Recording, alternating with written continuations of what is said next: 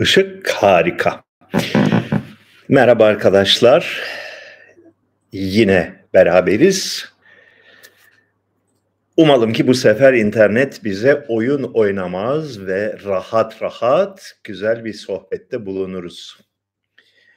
Şimdi sağ omuzumdaki melek, bu sağ mıydı? Bu dur bir dakika, bu sol. Bu sağ omuzumdaki melek diyor ki Ukrayna meselesine girme.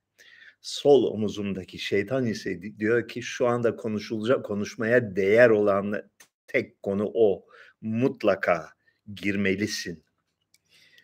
Sizce hangisi haklıdır ve hangisine kulak asmam gerekir? Ee, soruları sorular ne gelirse ona göre gideceğim. Yani Ukrayna sorulursa Ukrayna cevabı veririm. Birisi bana Mariupol kuşatmasını sorarsa bayağı konuşurum o konuda. Çünkü bayağı yakından izleme ve olayı kavramak kavrama imkanı bulduğumu zannediyorum. Neyse. Hocam Ukrayna ve renkli devrimlerle ilgili bir belgesel izledim. Eylemlerin başlangıcı, kullanılan sloganlar bile birebir Gezi ile aynı. Sizce Gezi'nin yurt dışından fonlanmış olma ihtimali hiç yok mu? Çok netameli bir soru, belalı bir soru. Aşağı tükürsen, sakal yukarı tükürsen bıyık olan bir soru işin iç yüzünü bilmediğim sürece söyleyeceğim her şey spekülasyondan ve tahminden ibarettir. Ee, birincisini şunu söyleyeceğim. Son derece haklı bir talep üzerine e, harekete geçti gezi e, gezi olayları. E, hükümetin ve özellikle hükümetin başı olan kişinin topluma karşı olağanüstü hoyrat ve aşağılayıcı tavrı. Yani siz kimsiniz de e, ulusal konularda veya şehrin yönetimi konusunda fikir beyan ediyorsunuz diye özetlenebilecek olan son derece küstah tavrı e, doğal olarak insanların pek çok insanın e, artık yeter deme noktasına gelmesine yol açtı. Yani e, Gezi hareketi e, herhangi bir şekilde organize edilmese dahi e, spontane olarak kendiliğinden patlak, patlak veren vermesi gereken bir hareketti. O noktadan sonra ne oldu? İşin içine hangi örgütlü güçler katıldı? Doğrusunu isterseniz bilemiyoruz.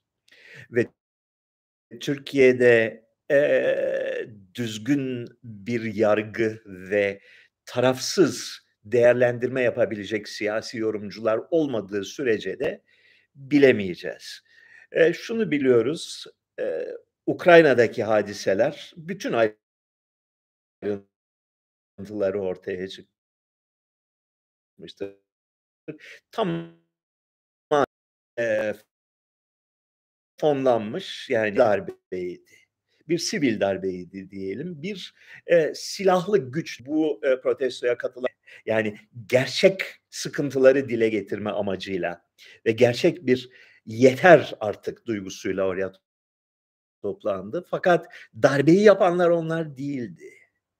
Ee, silahlı milis güçleri ki en az 2008'den beri e, Amerikalılar tarafından ve Avrupalılar tarafından örgütlenmiş, silahlanmış, eğitilmiş ve yönlendirilmiş olan gruplardı. Onlar kargaşadan istifade ederek e, parlamento binasını topa tuttular, ele geçirdiler. E, meclis üyelerini belli kararlar almaya, Cumhurbaşkanını görevden almaya e, zorladılar. E, direniş özellikle Odessa'daki direnişi son derece kanlı bir şekilde bastırdılar. Asıl darbeyi yapan bir çelik bir çekirdektir. Ya o meydanda toplanan kalabalık değildir. Meydanda toplanan kalabalık bir şeyin e, kamuflajı olarak hizmet verdi. Aynı e, süreç e, çeşitli yerlerde tekrarlandı. Sırbistan'da denediler, Gürcistan'da yaptılar. E, Ermenistan'dan değinmesem daha iyi. Fakat e, Kazakistan'da denediler, diğer ülkelerde yaptılar. Bu işi bayağı profesyonel olarak yani haklı bir hareketin arkasında da teşkilat olabilir. Fakat olayların e, daha internette bir takım oynamalar var gene her zamanki gibi. Öf yani öf. Ee, ek olarak şunu söylemek istiyorum. Son 2-3 haftadır muhalif Türkiye basınının gerek Türkiye içinde gerek Türkiye dışındaki muhalif olma iddiasındaki basının ki Karar Gazetesi, Ahval olsun, e, Artı Gerçek olsun, e, Diken olsun. Bunların bir bir dünya savaşı, büyük bir savaşın ortaya zeye haline dön. Korkuyla izliyorum. Yani iyi kötü tanıdık insanların bulunduğu, dürüstlüğüne güvendiğim bir takım insanların yazı yazdığı veya yönetimde olduğu yayın organları bunlar. Ve aniden şunu görüyoruz, tamamıyla beyinsiz bir şekilde. Yani e, adeta bir merkezden emir alınmış gibi tek yanlı bir yalan propaganda e, çalışmasına girdiklerine tanık oluyoruz. Tüm güçleriyle ve tüm kollarıyla e, Amerika'nın dünyaya empoze etmeye çalıştığı yalan söylemi savunan ve e, Türkiye'nin dış politikasını etkilemeye çalışan, Türkiye'nin Amerika tarafında Amerika lehine, NATO lehine savaşa girmesini e, isterik çığlıklarla savunan bir niteliğe kavuştular. Dolayısıyla tüm bu yayın organlarının gerçek niteliği konusunda e, çok ciddi, çok e, kaygı verici e,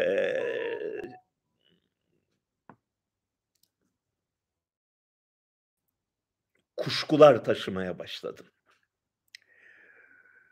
Hocam Adana Kozan'dan kız alınır mı? Ne maksatla alacağına bakar. Her yerden alınır da ne yapacaksın kızı onu bir incelemek lazım. Fransızca bilmeyen birisini insan olarak kabul edebilir miyiz diye sormuş Fırat Çiftçi. Fırat Çiftçi bizim Nişanyan Sözlüğün e, yeni versiyonunu hazırlayan e, ve yöneten arkadaşımızdır. Chicago'dan bize katılıyor.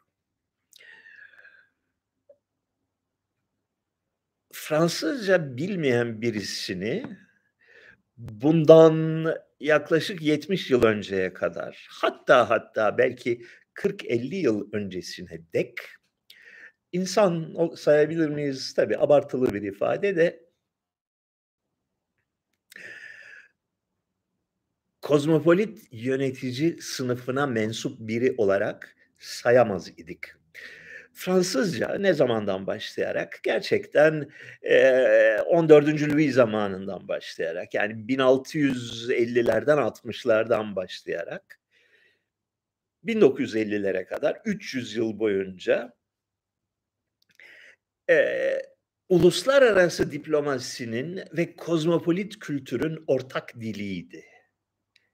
Yani ondan önceki devirde Latinceydi kültürlü insanların hepsi Latince bilir Batı dünyasında ve birbirleriyle yabancı ülkelerden gelen insanlar Latince anlaşırlar eğer akademik bir şeyleri varsa, akademik veya dini bir eğitimleri varsa.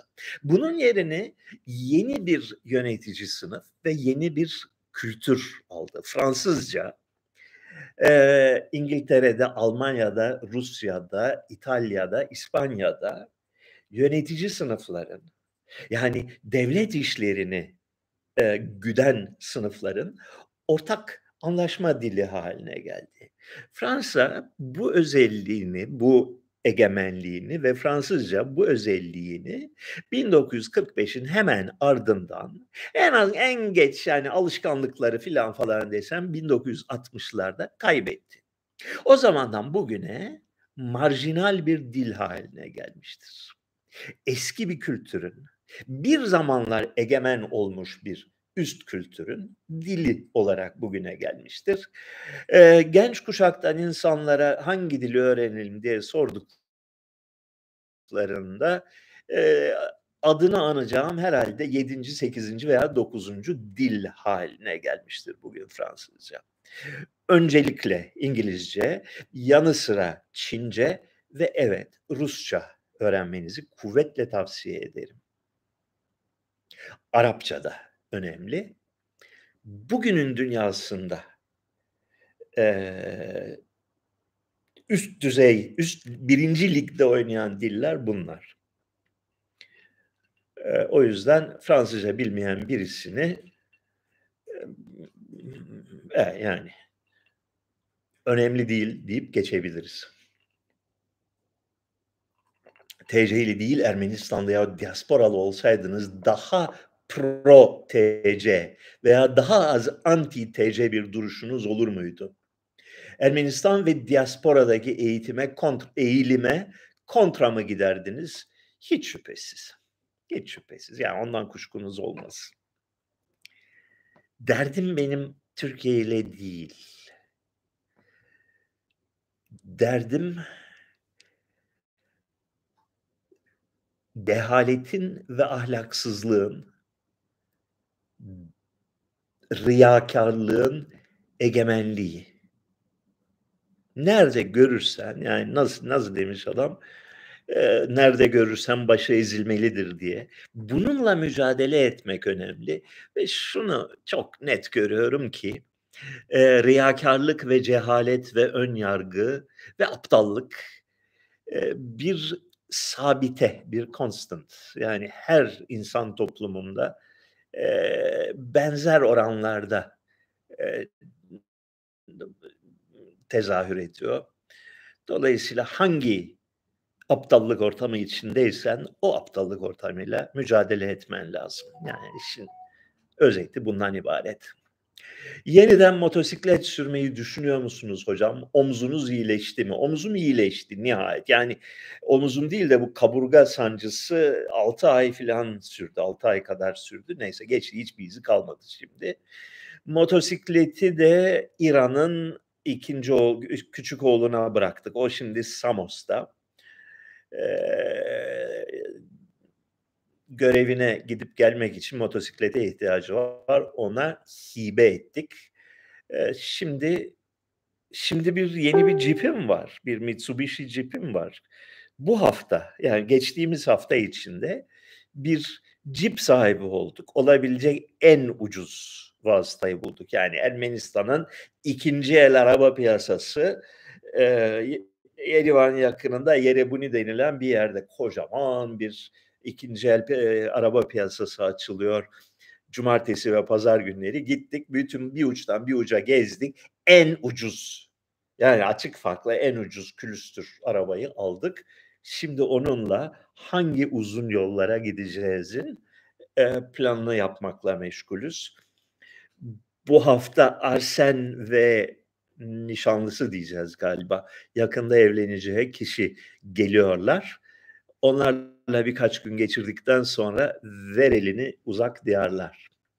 Ee, yani anlatırım size gezdiğim yerleri.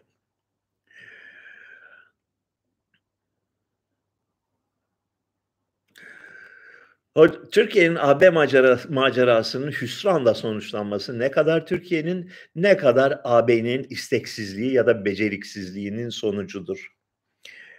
Ee, ben Türkiye'nin çok fazla bir şeyi olduğunu, yanlış olduğunu düşünmüyorum. Türkiye tabii ki e, dışarıdan, Avrupa'dan empoze edilen bir takım düzenlemeleri e, çok isteksizce ve e, ayak sürüyerek e, uyguladı. Bu bir gerçektir. Fakat bu 200 seneden beri Türkiye'nin hikayesidir. Çünkü Avrupa'dan genellikle Türkiye'nin gerçeklerine uymayan, Türkiye'nin Türkiye'nin siyasi sistemini alt üst edecek, Türkiye'nin iç huzurunu, barışını mahvedecek olan bir takım afaki talepler gelir. Türkiye bir bakıma bir yandan yani Türkiye'nin yönetici kadroları en azından eski yönetici kadroları Avrupalılar gibi düşünmeye alışık olduk oldukları için hak verirler. Bir yandan da bir gerçek var yani bu memlekette Erzurumlar var, Konyalar var, Hakkariler var ve bunları yönetmek, bunları zapturapt altında tutmak kolay bir iş değil. Dolayısıyla Türkiye Avrupa Birliği uyum sürecinde tembel bir öğrenci görünümünü verdi. Fakat asıl problem tabii ki Avrupa Birliği tarafındaydı. Çünkü Avrupa Birliği e, çok iddialı, çok e,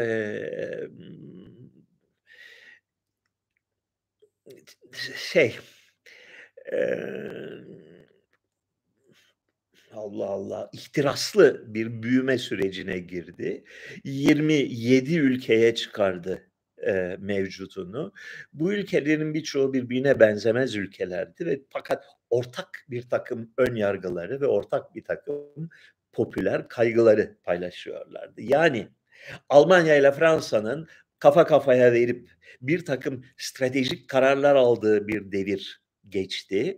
E, gitgide artan bir oranda e, bütün bu ülkelerin kamuoyunu, Fransa'nın kamuoyunu, İtalya'nın kamuoyunu, Polonya'nın, Macaristan'ın, e, Siktiristan'ın e, kamuoyunu göz önüne almak zorunda kaldı. Gitgide içine kapandı. Gitgide daha muhafazakar bir bürokratik yapıya kavuştu.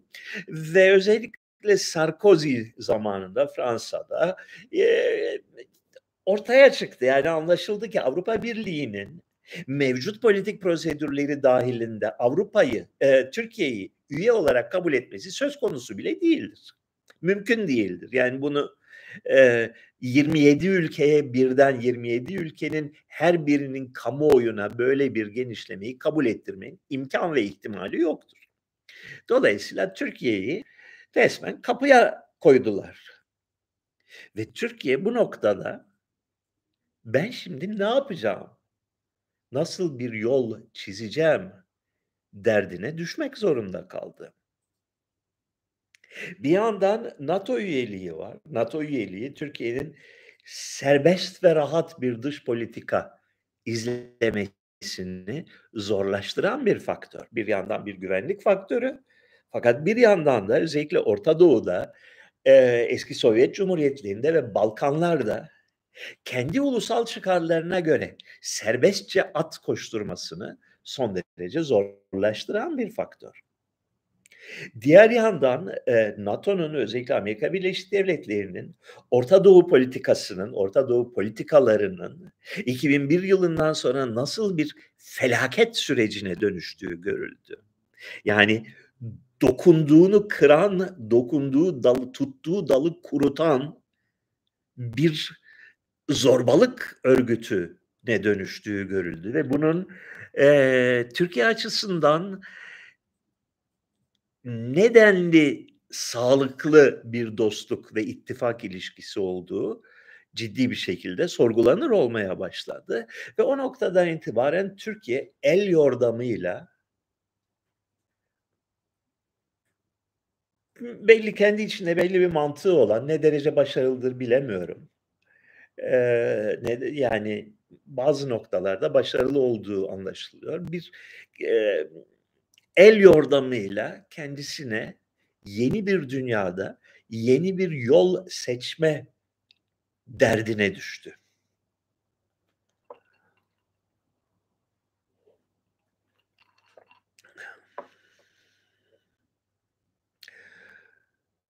Bu akşam İran'a dair biraz sohbet etsek. Sizin Acemlerle tecrübeleriniz nelerdir? Nedir Amerikalıların derdi İran ile sorusunu bu hafta cevaplandırmayayım. Belki birkaç hafta sonra daha e, ayrıntılı ve daha e, gerçekçi bir şekilde cevaplandırma fırsatını bulurum. Amerika'nın herhangi bir ülkeyle e, kaygısı iki boyutludur. Eee, bir Amerikan sermayesinin serbestçe eee, at oynatamadığı, ülkenin artı değerinden serbestçe yararlanamadığı, yerel elitlerin, yerel güçlü sını ekonomik sınıfların, eee, Amerikan kapitalizminin nüfuzunu zayıflattığı yerlerle Amerika'nın derdi var. Böyle yerleri dize getirmek, böyle yerlerin egemen sınıflarını tasfiye etmek ve rahatça orayı emmek gibi bir eee, derdi var Amerika'nın çeşitli ülkelerle. 2'ncisi devasa boyutlara ulaşmış olan Amerikan askeri tedarik sisteminin eee, iş alanlarına ihtiyacı var. Yani silah satmaları lazım. Amerikan devletine silah satmaları lazım. Eee, danışmanlık satmaları lazım, teşkilat satmaları lazım, eee, lojistik materyal, lojistik altyapı satmaları lazım. Bunun için savaş çıkarmaları lazım. Birileriyle kavga etmeden Amerik Amerikan ekonomisi çöker. Daha doğrusu Amerikan ekonomisinin köşe taşlarını oluşturan endüstrilerden biri olan askeri endüstri çöker. İş alanı bulamaz, piyasa bulamaz. Yani bir yerlere füze atmıyorsan ya da bir yerlere füze atmak için bir ulusal bir istiri yaratamamışsan, e, kime füze satacaksın ki? Böyle bir hadise var. Evet, bu, eee, İran sorusu, eee, anladığım kadarıyla ilgi çekiyor. Biraz bekleyin ya. Brusk Bakur zannediyorum bunlar bir teşkilat ya da belli kişiler, eee, ısrarla benim bulunduğum her ortama gelip eee, benim Kürt düşmanı olduğum, Kürtlerden Kürtler hakkında yalan konuştuğum, Kürtleri bilmediğim vs. konusunda bir program bir propaganda yapma ihtiyaçlı ihtiyacını duyuyorlar.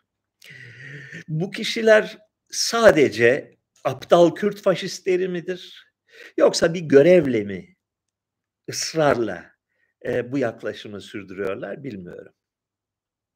Çünkü eee, yer adları sözlüğümde olsun, kişi adları sözlüğümde olsun, Türkiye'de bugüne kadar hiç kimsenin yapmadığı kadar Türk toplumunda Kürtlerin, Kürtçenin, Kürt kültürünün, Kürt yerel coğrafyalarının, Kürt kişi adlarının önemini idrak eden, serbestçe bunu, yani Türkiye'de alışılmamış bir serbestlikle ifade eden ve Kürtleri yok sayan her türlü, eee, ideolojinin ahmak bir faşizmden ibaret olduğunu savunan biriyim.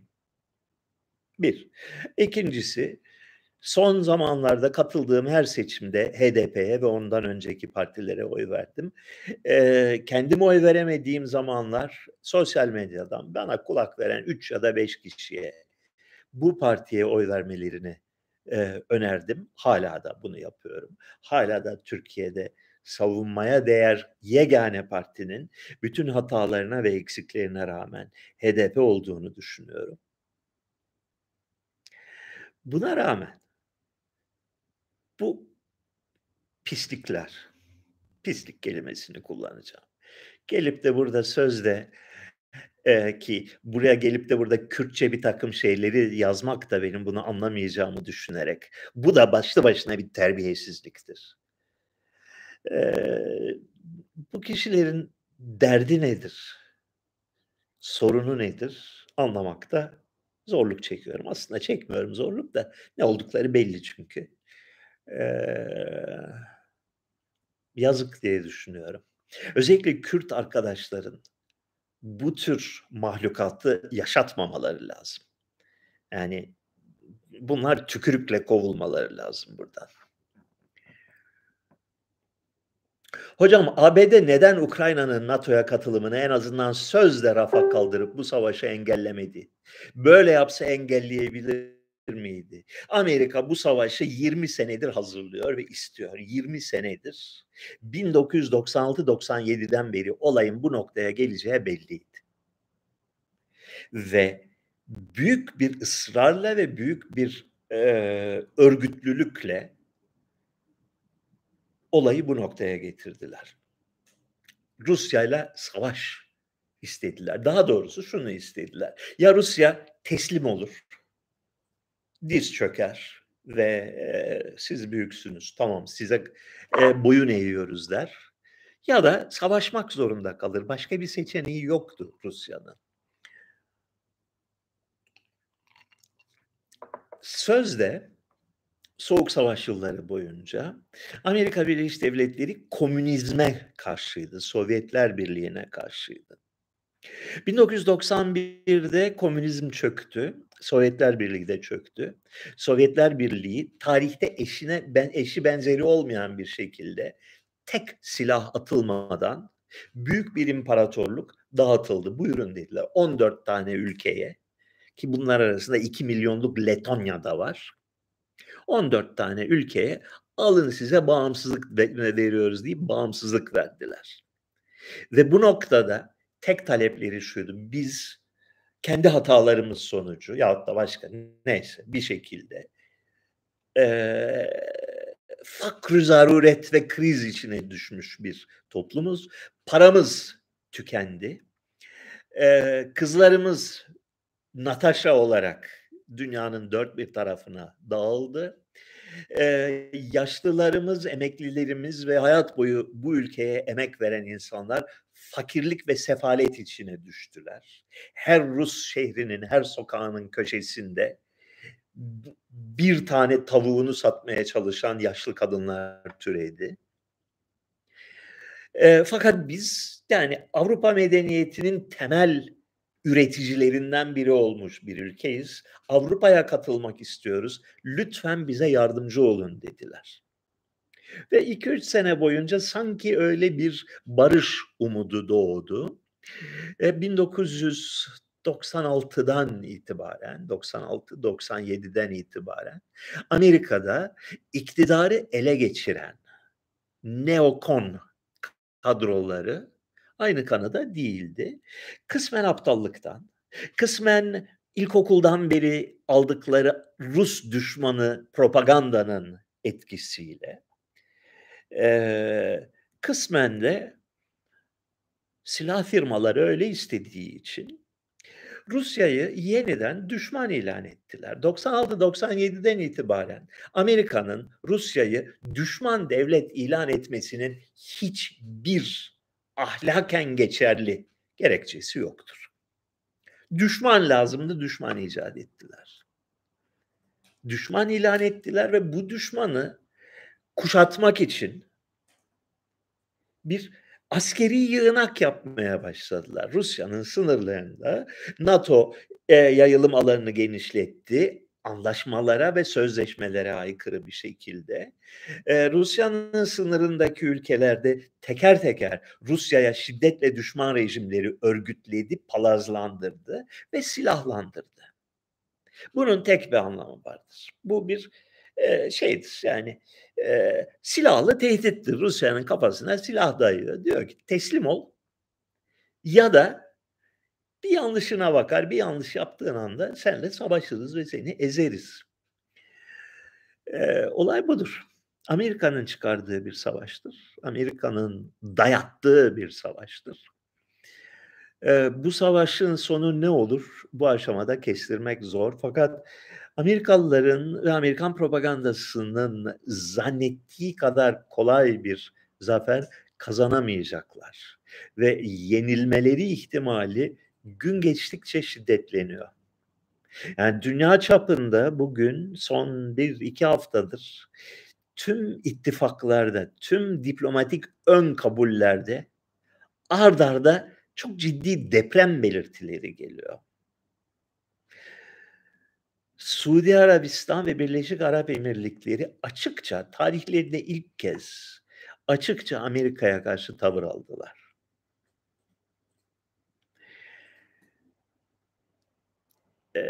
Birleşik Arap Emirlikleri dün itibariyle Suriye ile barışma yoluna girdi.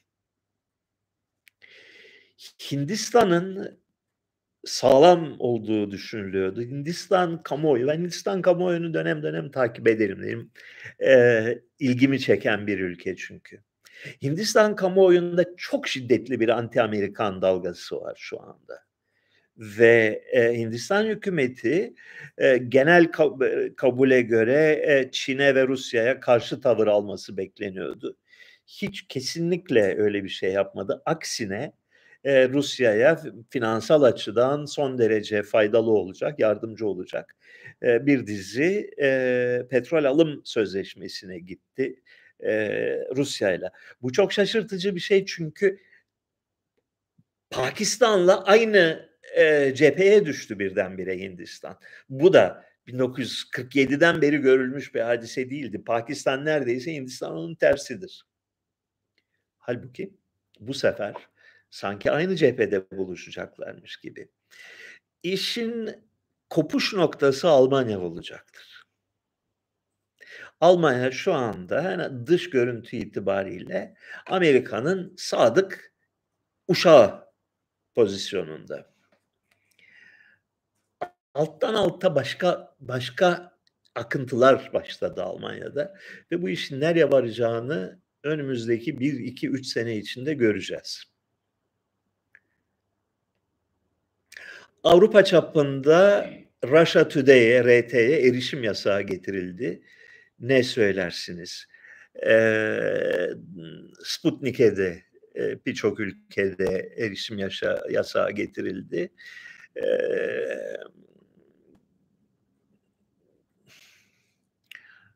özgür liberal demokrat batı ülkeleri böyle oluyormuş demek ki.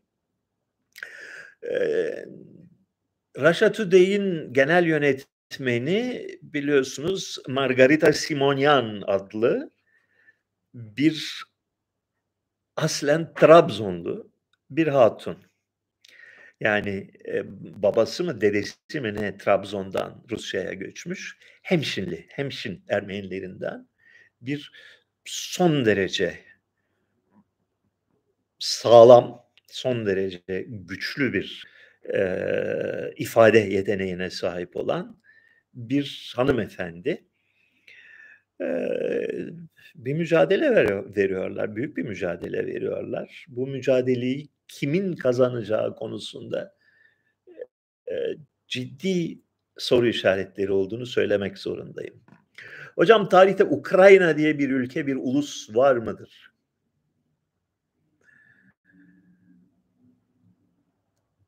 Tarihte Adanalılar diye bir ülke, bir ulus var mıdır? Ee, ne bileyim, Rumeli Türkleri ayrı bir millet midir? Şöyle, yani e, Ukrayna'nın eski adı Rusya'ydı. Yani asıl Rusya Ukrayna'dır. Bir kere buradan başlayalım. Kiev ülkesi e, asıl Rus adının şeyine sahip olan, siciline sahip olan ülkedir. Moskova sonradan olma Rusya'dır. Bu bir. E, 19. yüzyıla kadar Kiev bölgesi ve onun batı ve çevresi Küçük Rusya diye anılırdı. Yani Rus'un bir çeşidi, Rus'un bir alt kolu olarak anılırdı. Derken 18. yüzyılda bu ülkenin, Küçük Rusya'nın e, bir kısmı Büyük Rusya'nın eline geçti. Osmanlı oradan elini çekince dağıldı orası. E, yarısı Rus yönetimine girdi, Moskova'nın yönetimine girdi. Öbür yarısı ise batı kısmı önce Avusturya Macaristan'ın, sonra kısmen Avusturya Macaristan, kısmen e, Polonya'nın yönetimine girdi. Dolayısıyla iki yarısı arasında büyük bir ayrışma yaşandı. 19. yüzyılda bütün Avrupa büyük bir hızla kalkınırken e, bu küçük Rusya'nın batı kesimi yani Avusturya ve Polonya etkisi altında bulunan kesimi e, Avrupalılaşma eğilimleri gösterdi. Katolik dini bu bölgede e, bayağı etkili oldu. E, kültür olarak kendini daha ziyade batıya yakın hisseden bir e, ulusal duygu ortaya çıktı. Avusturya Macaristan topraklarında başlayan bu Ukraynalılık e, Rutenya'ydı o zamanlar adı sonradan Ukrayna oldu.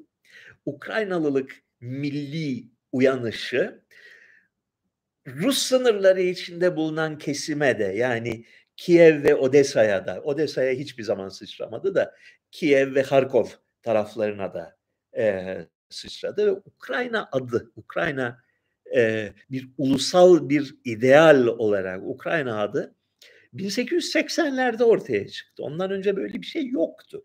Şüphesiz bir takım gelenekler, bir takım e, kültürel anılar, bir takım yerel ve bölgesel e, semboller mevcuttu eskiden beri.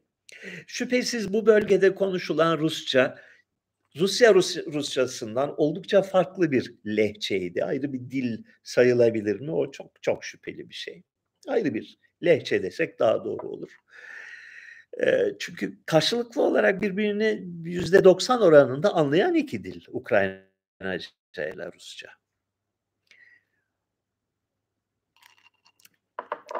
Batı Ukrayna yani Alman ve Polonya etkisi altında e, oluşmuş olan Batı Ukrayna e, Rus ihtilali sırasında 1917'de şiddetle e, iç savaşta taraf oldu. Yani Kızıl Ordu'ya karşı savaştı. Sonra bir şekilde e, yenildiler ve şeye katıldılar. E, Sovyetler Birliği'ne dahil olmak zorunda kaldılar. Ve bu dönemde eski Doğu Ukrayna yani eski Rus yönetiminde olan vilayetler de batıdaki vilayetlere eklenerek iki parçadan oluşan bir idari birim olarak Ukrayna yaratıldı. Bir devlet olarak Ukrayna 1991'den önce hiçbir zaman var olmamış bir yerdir. Yani diplomatik dengelerin ve gerekliliklerin sonucunda yaratılmış bir kavimdir. İç homojenliği olmayan bir kavim. Yani e, Batı Ukraynalılar ki bir hayli insan tanıma fırsatını buldum oradan. Doğu Ukraynalıları şiddetle aşağılarlar. Onların Asyalı olduğunu ileri sürerler. Kendilerinin Avrupalı olduğunu ileri sürerler. Ve e, hep şu söylemle karşılaşırız. Kiev Miev ama ne olacak oraları vahşi yerler. Sen Batı Ukrayna'ya gel de medeniyeti gör ne kadar güzel insanlar diye. Bu söylemi çok sık duyarsınız onlardan.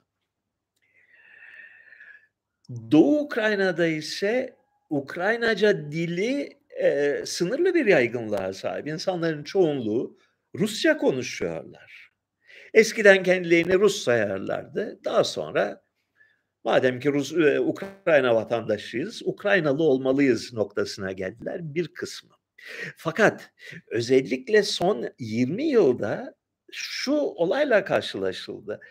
Ukrayna Rusya ile inatlaşmaya ve zıtlaşmaya başladığı noktadan itibaren Ukrayna halkının önemli bir kısmının Ukrayna ulusal idealine sadakati sorgulanır olmaya başladı. Memleketin yüzde otuzu Rus, kendini Rus olarak tanımlıyor. Yüzde otuzdan epey daha fazla bir kısmı kendini Ukraynalı olarak tanımlasa bile Rusça konuşuyor. Rusya ile akrabalık bağlarına, ticari ilişkilere, alışkanlıklara sahip. Ne bileyim yıllarca Moskova'da çalışmış sonra emekli olmuş memlekete dönmüş filan bu tür kişisel bağları var. Dolayısıyla bir Ukrayna milliyeti yaratılacaksa, bir homojen bir Ukrayna yaratılacaksa bu insanlar hepsi potansiyel vatan haini olarak zapturapt altına alınması gereken, bastırılması gereken e, ideolojik e, uyumlarının sürekli sorgulanması ve gerekirse düzeltilmesi gereken potansiyel terörist olarak görülen insanlar. Dolayısıyla bir Ukrayna ulusal varlığını yaratmak için gerek doğrudan doğruya devlet eliyle gerekse bazen devletin yapamayacağı bir takım pis işleri yerine getirmek için e, yarı terörist teşkilatlar vasıtasıyla yani ülke ocakları gibi, korucular gibi oluşumlar vasıtasıyla ben Rus muyum, Ukraynalı mıyım bilmem diyen insanları hizaya getirecek, onları kontrol altına alacak bir takım tedbirlerin alınması gerekiyordu. Yani e, Ukrayna Nazileri, Ukrayna neonazileri, Azov e, Tugayları vesaire dedikleri şey bir ulusal projenin, bir ulusal e, asimilasyon sisteminin kaçınılmaz birer parçası, birer zorunlu birer parçası. Yani sen de yüzde otuzu biz Avrupalı Ukraynalıyız, Ukraynalılık bizi ırga, biz asıl Ukraynalı biziz diye. Diğer yüzde otuzu ya galiba Ukraynalıyız ama yani canım Ruslarla da fena değiliz diyen. Diğer yüzde otuzu ise biz Rusuz diyen bir ülke var ortada. Üç bölüm.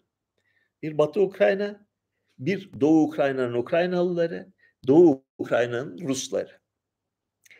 Bu üç unsurdan bir tane ulusal devlet yaratacaksa eğitim organların, propaganda organların, polisin, siyasi teşkilatların ve mafya teşkilatlarının hepsinin birden seferber olması gerekir. Bu insanları isterlerse tatlılıkla, isterlerse zorla Ukraynalı yapman gerekir. Aksi takdirde tutamazsın sistemi ayakta tutamazsın. Bu yaşandı Ukrayna'da son yıllarda. Ve bu bu zor sürecin, bu hakikaten netameli sürecin ve temiz çözümleri olmayan sürecin alabildiğine düşmanlık üzerine, alabildiğine e, saldırı ve tehdit üzerine kurulması için Ukraynalıların Amerikalı dostları ellerinden geleni artlarına koymadılar. Silahlandırdılar, örgütlediler ve ideolojik açıdan bir düşmanlık ideolojisinin yerleşmesine, kök salmasına ellerinden gelen yardımı yaptılar. İktidarı ele geçirdiler bir darbeyle. Gerisini biliyorsunuz.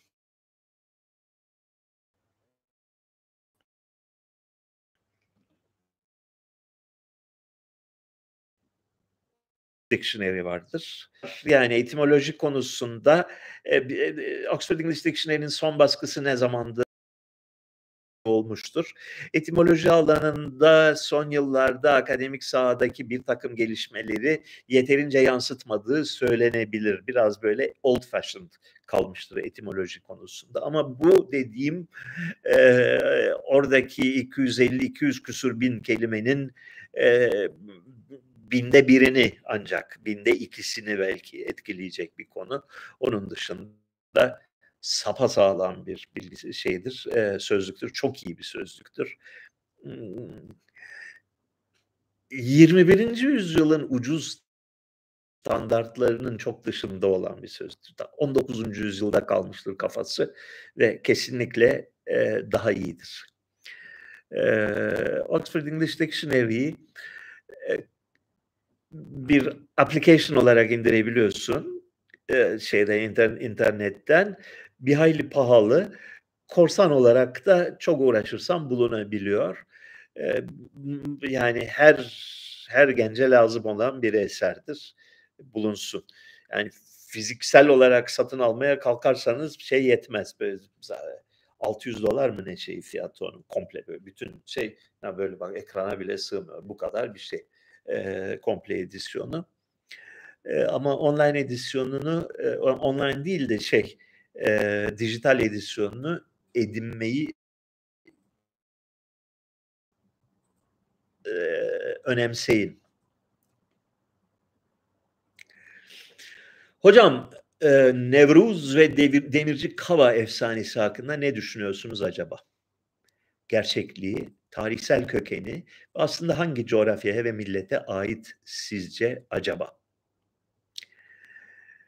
Ee, İran mitolojisinin bir parçasıdır.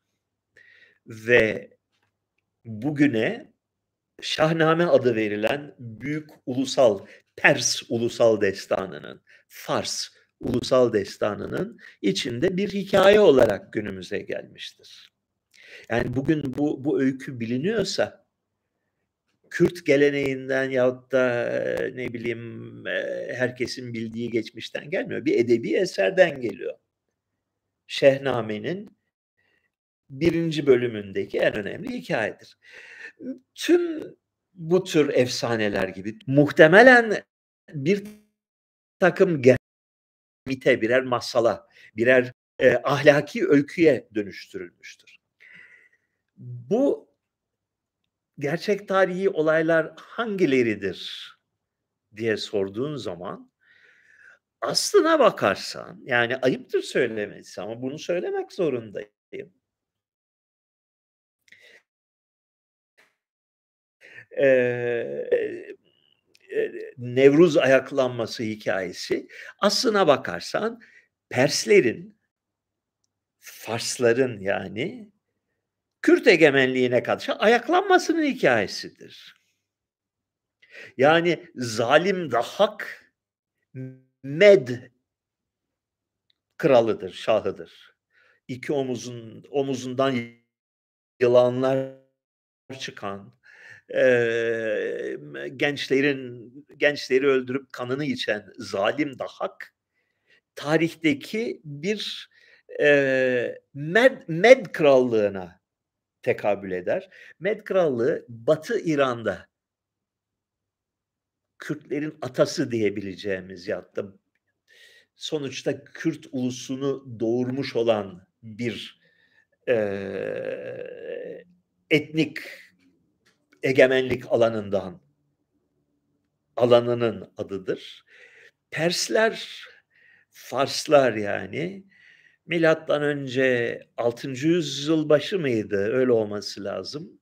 Bir ayaklanmayla, bir mücadeleyle Med krallığını yıkıp onun yerine kendileri geçmişlerdir. Ve e, Dahak ve e, Demirci Kava hikayesi eğer tarihi bir olaya tekabül ediyorsa bu olaya tekabül eder. Bunun Kürt milliyetçiliğinin bu geleneği, Nevruz geleneğini ve Kava öyküsünü benimsemesi benim bildiğim kadarıyla 20. yüzyılda e, modern Kürt milliyetçiliğini oluşturma çabaları çerçevesinde e, benimsenmiş bir öyküdür diye düşünüyorum. Ali Şeriati hakkında ne düşünüyorsunuz? Hiç okumadım. Ee, az çok biliyorum neler söylediğini. Bir e, dini bazlı bir e, sosyal e, devrimci tarihte benzerleri çok çok çok sayıda bulunan bir e, çizginin temsilcisi olarak olduğunu düşünüyorum. Her dini gelenekte mutlaka bir sol kanat mevcuttur. Yani e, dinin özünün e, sosyal adalet olduğunu, e, dinin e, eşitlik ve kardeşlik bazında ve alt sınıfların ihtiyaçlarını ve e, haklarını gözeterek kurulması gerektiğini savunan görüşler her dini harekette ve her çağda e, meşhurdur.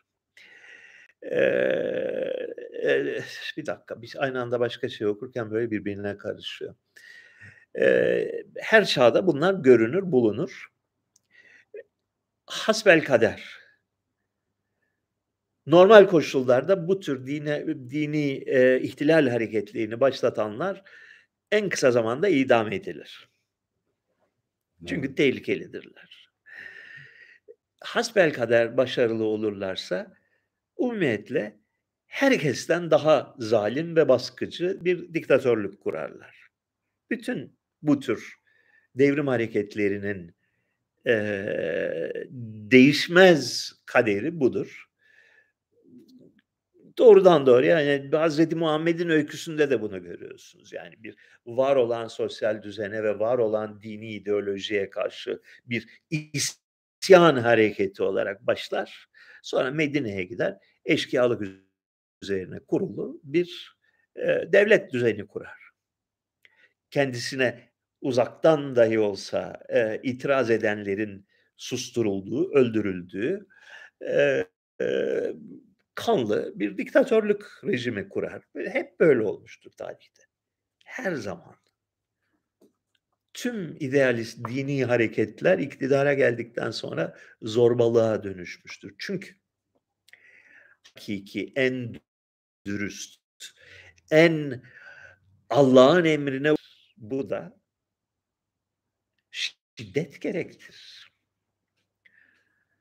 Dolayısıyla tıpkı Hazreti İsa gibi Hazreti Şeriatinin de e, şeyde Mısır'da Müslüman kardeşleri Kur'an zevatında e, erken bir tarihte idam edilmeleri kendileri açısından hayırlı olmuştur.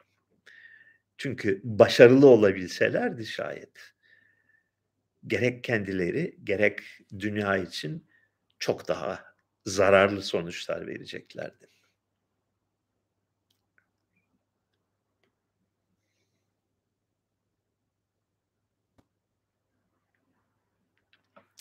Bilimin dinleştirildiği günümüz dünyasında düz dünyacıları ne kadar çılgın olurlarsa olsunlar dışlanma ve küçümsenme pahasına düzeni sorgulama cesareti gösterdikleri için saygıyla karşılamalı mı?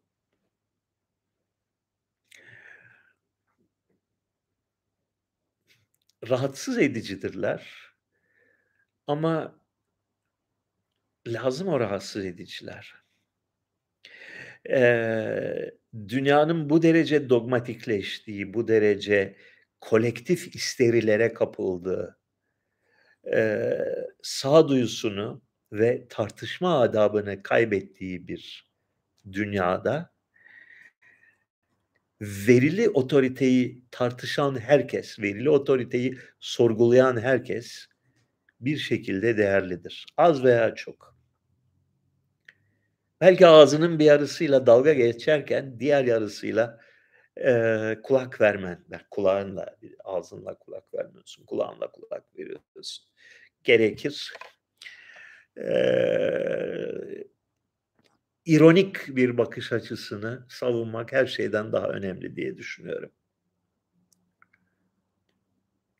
Hocam 80 kuşağı şairleri sırf kelimelerle araları iyidir diye reklamcı yapıldılar ya da oldular.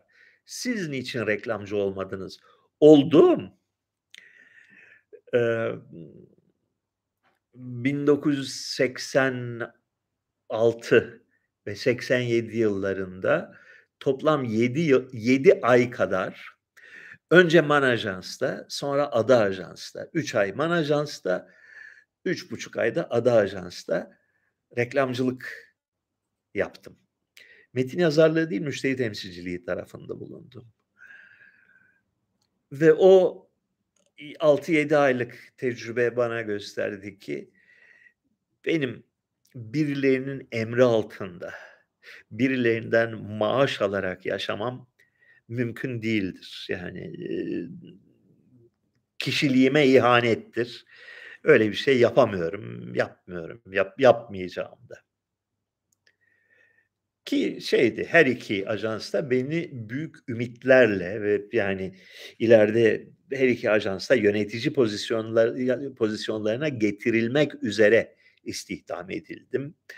E, gerek e, şeyle e, Eli Acıman'la gerek e, Ersin Salman'la karşılıklı saygıya dayalı bir e, ilişkimiz vardı. Fakat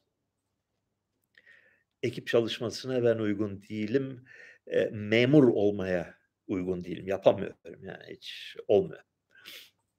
Eee, o yüzden o kadarla kaldı, eee, deneyimimiz. Samos sürgünü programı konusunda ayak dirediğinizi söyledi diyor Arsen. Programlar çok kaliteliydi hocam. İnadı bırakıp başlasanız mı tekrar? Bir ben o kadar sevmedim o programları. Yani, herkes çok beğendi de önemli olan biraz da benim beğenmem.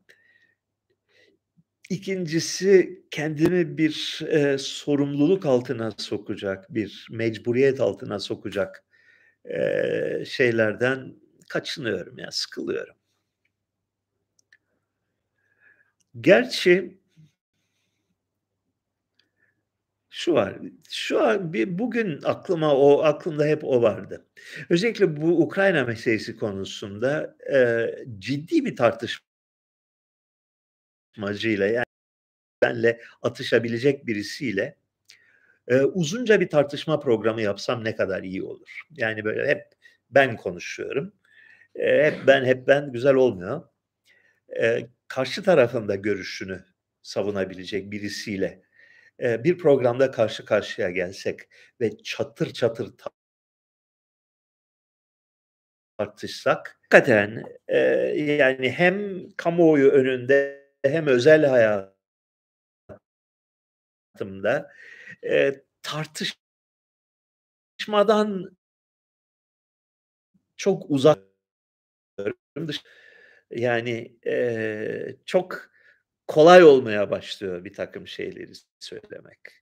Yani ben bir şeyi söylerken birinin bana "Hop kardeşim o öyle değil, o böyledir." demesi lazım. Benim de onları böyle evire çevire dövmem lazım. Bun bunun başka bir zevki var.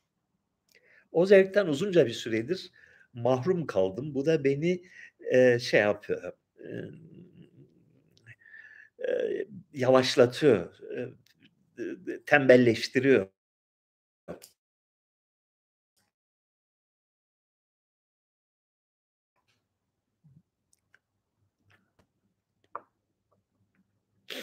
Muhammed sizce neden içkiyi yasaklamış olabilir?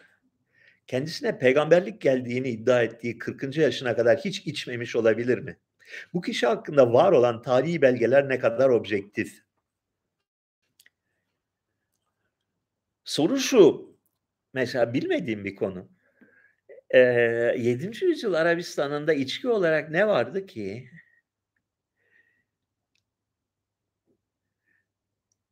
Bildiğim kadarıyla şimdi o, eee, şey distile içkiler yani damıtılmış alkol, bilinmiyordu o zaman. Damıtılmış alkol ta 10'uncu 11'inci yüzyılda İspanya'da keşfedilmiş bir madde. Bira üretimi eee, Akdeniz Havzası'nın şarabı. Mümkün değil yasaklamak. Çünkü o kadar doğal kültürün bir parçası ki, o kadar günlük yaşamın bir parçası ki, o o kadar eski zamanlardan beri normal diyetin, günlük diyetin bir parçası ki şarap, yani kimsenin aklına gelmez böyle bir şey. Ama Arabistan'ın siktirik çökün çölündesin. Şarap orada yok. Get deve kervanıyla getirtmen lazım. Gelinceye kadar da kim bilir ne oluyordur o şaraba. Acaba bununla alakalı olabilir mi?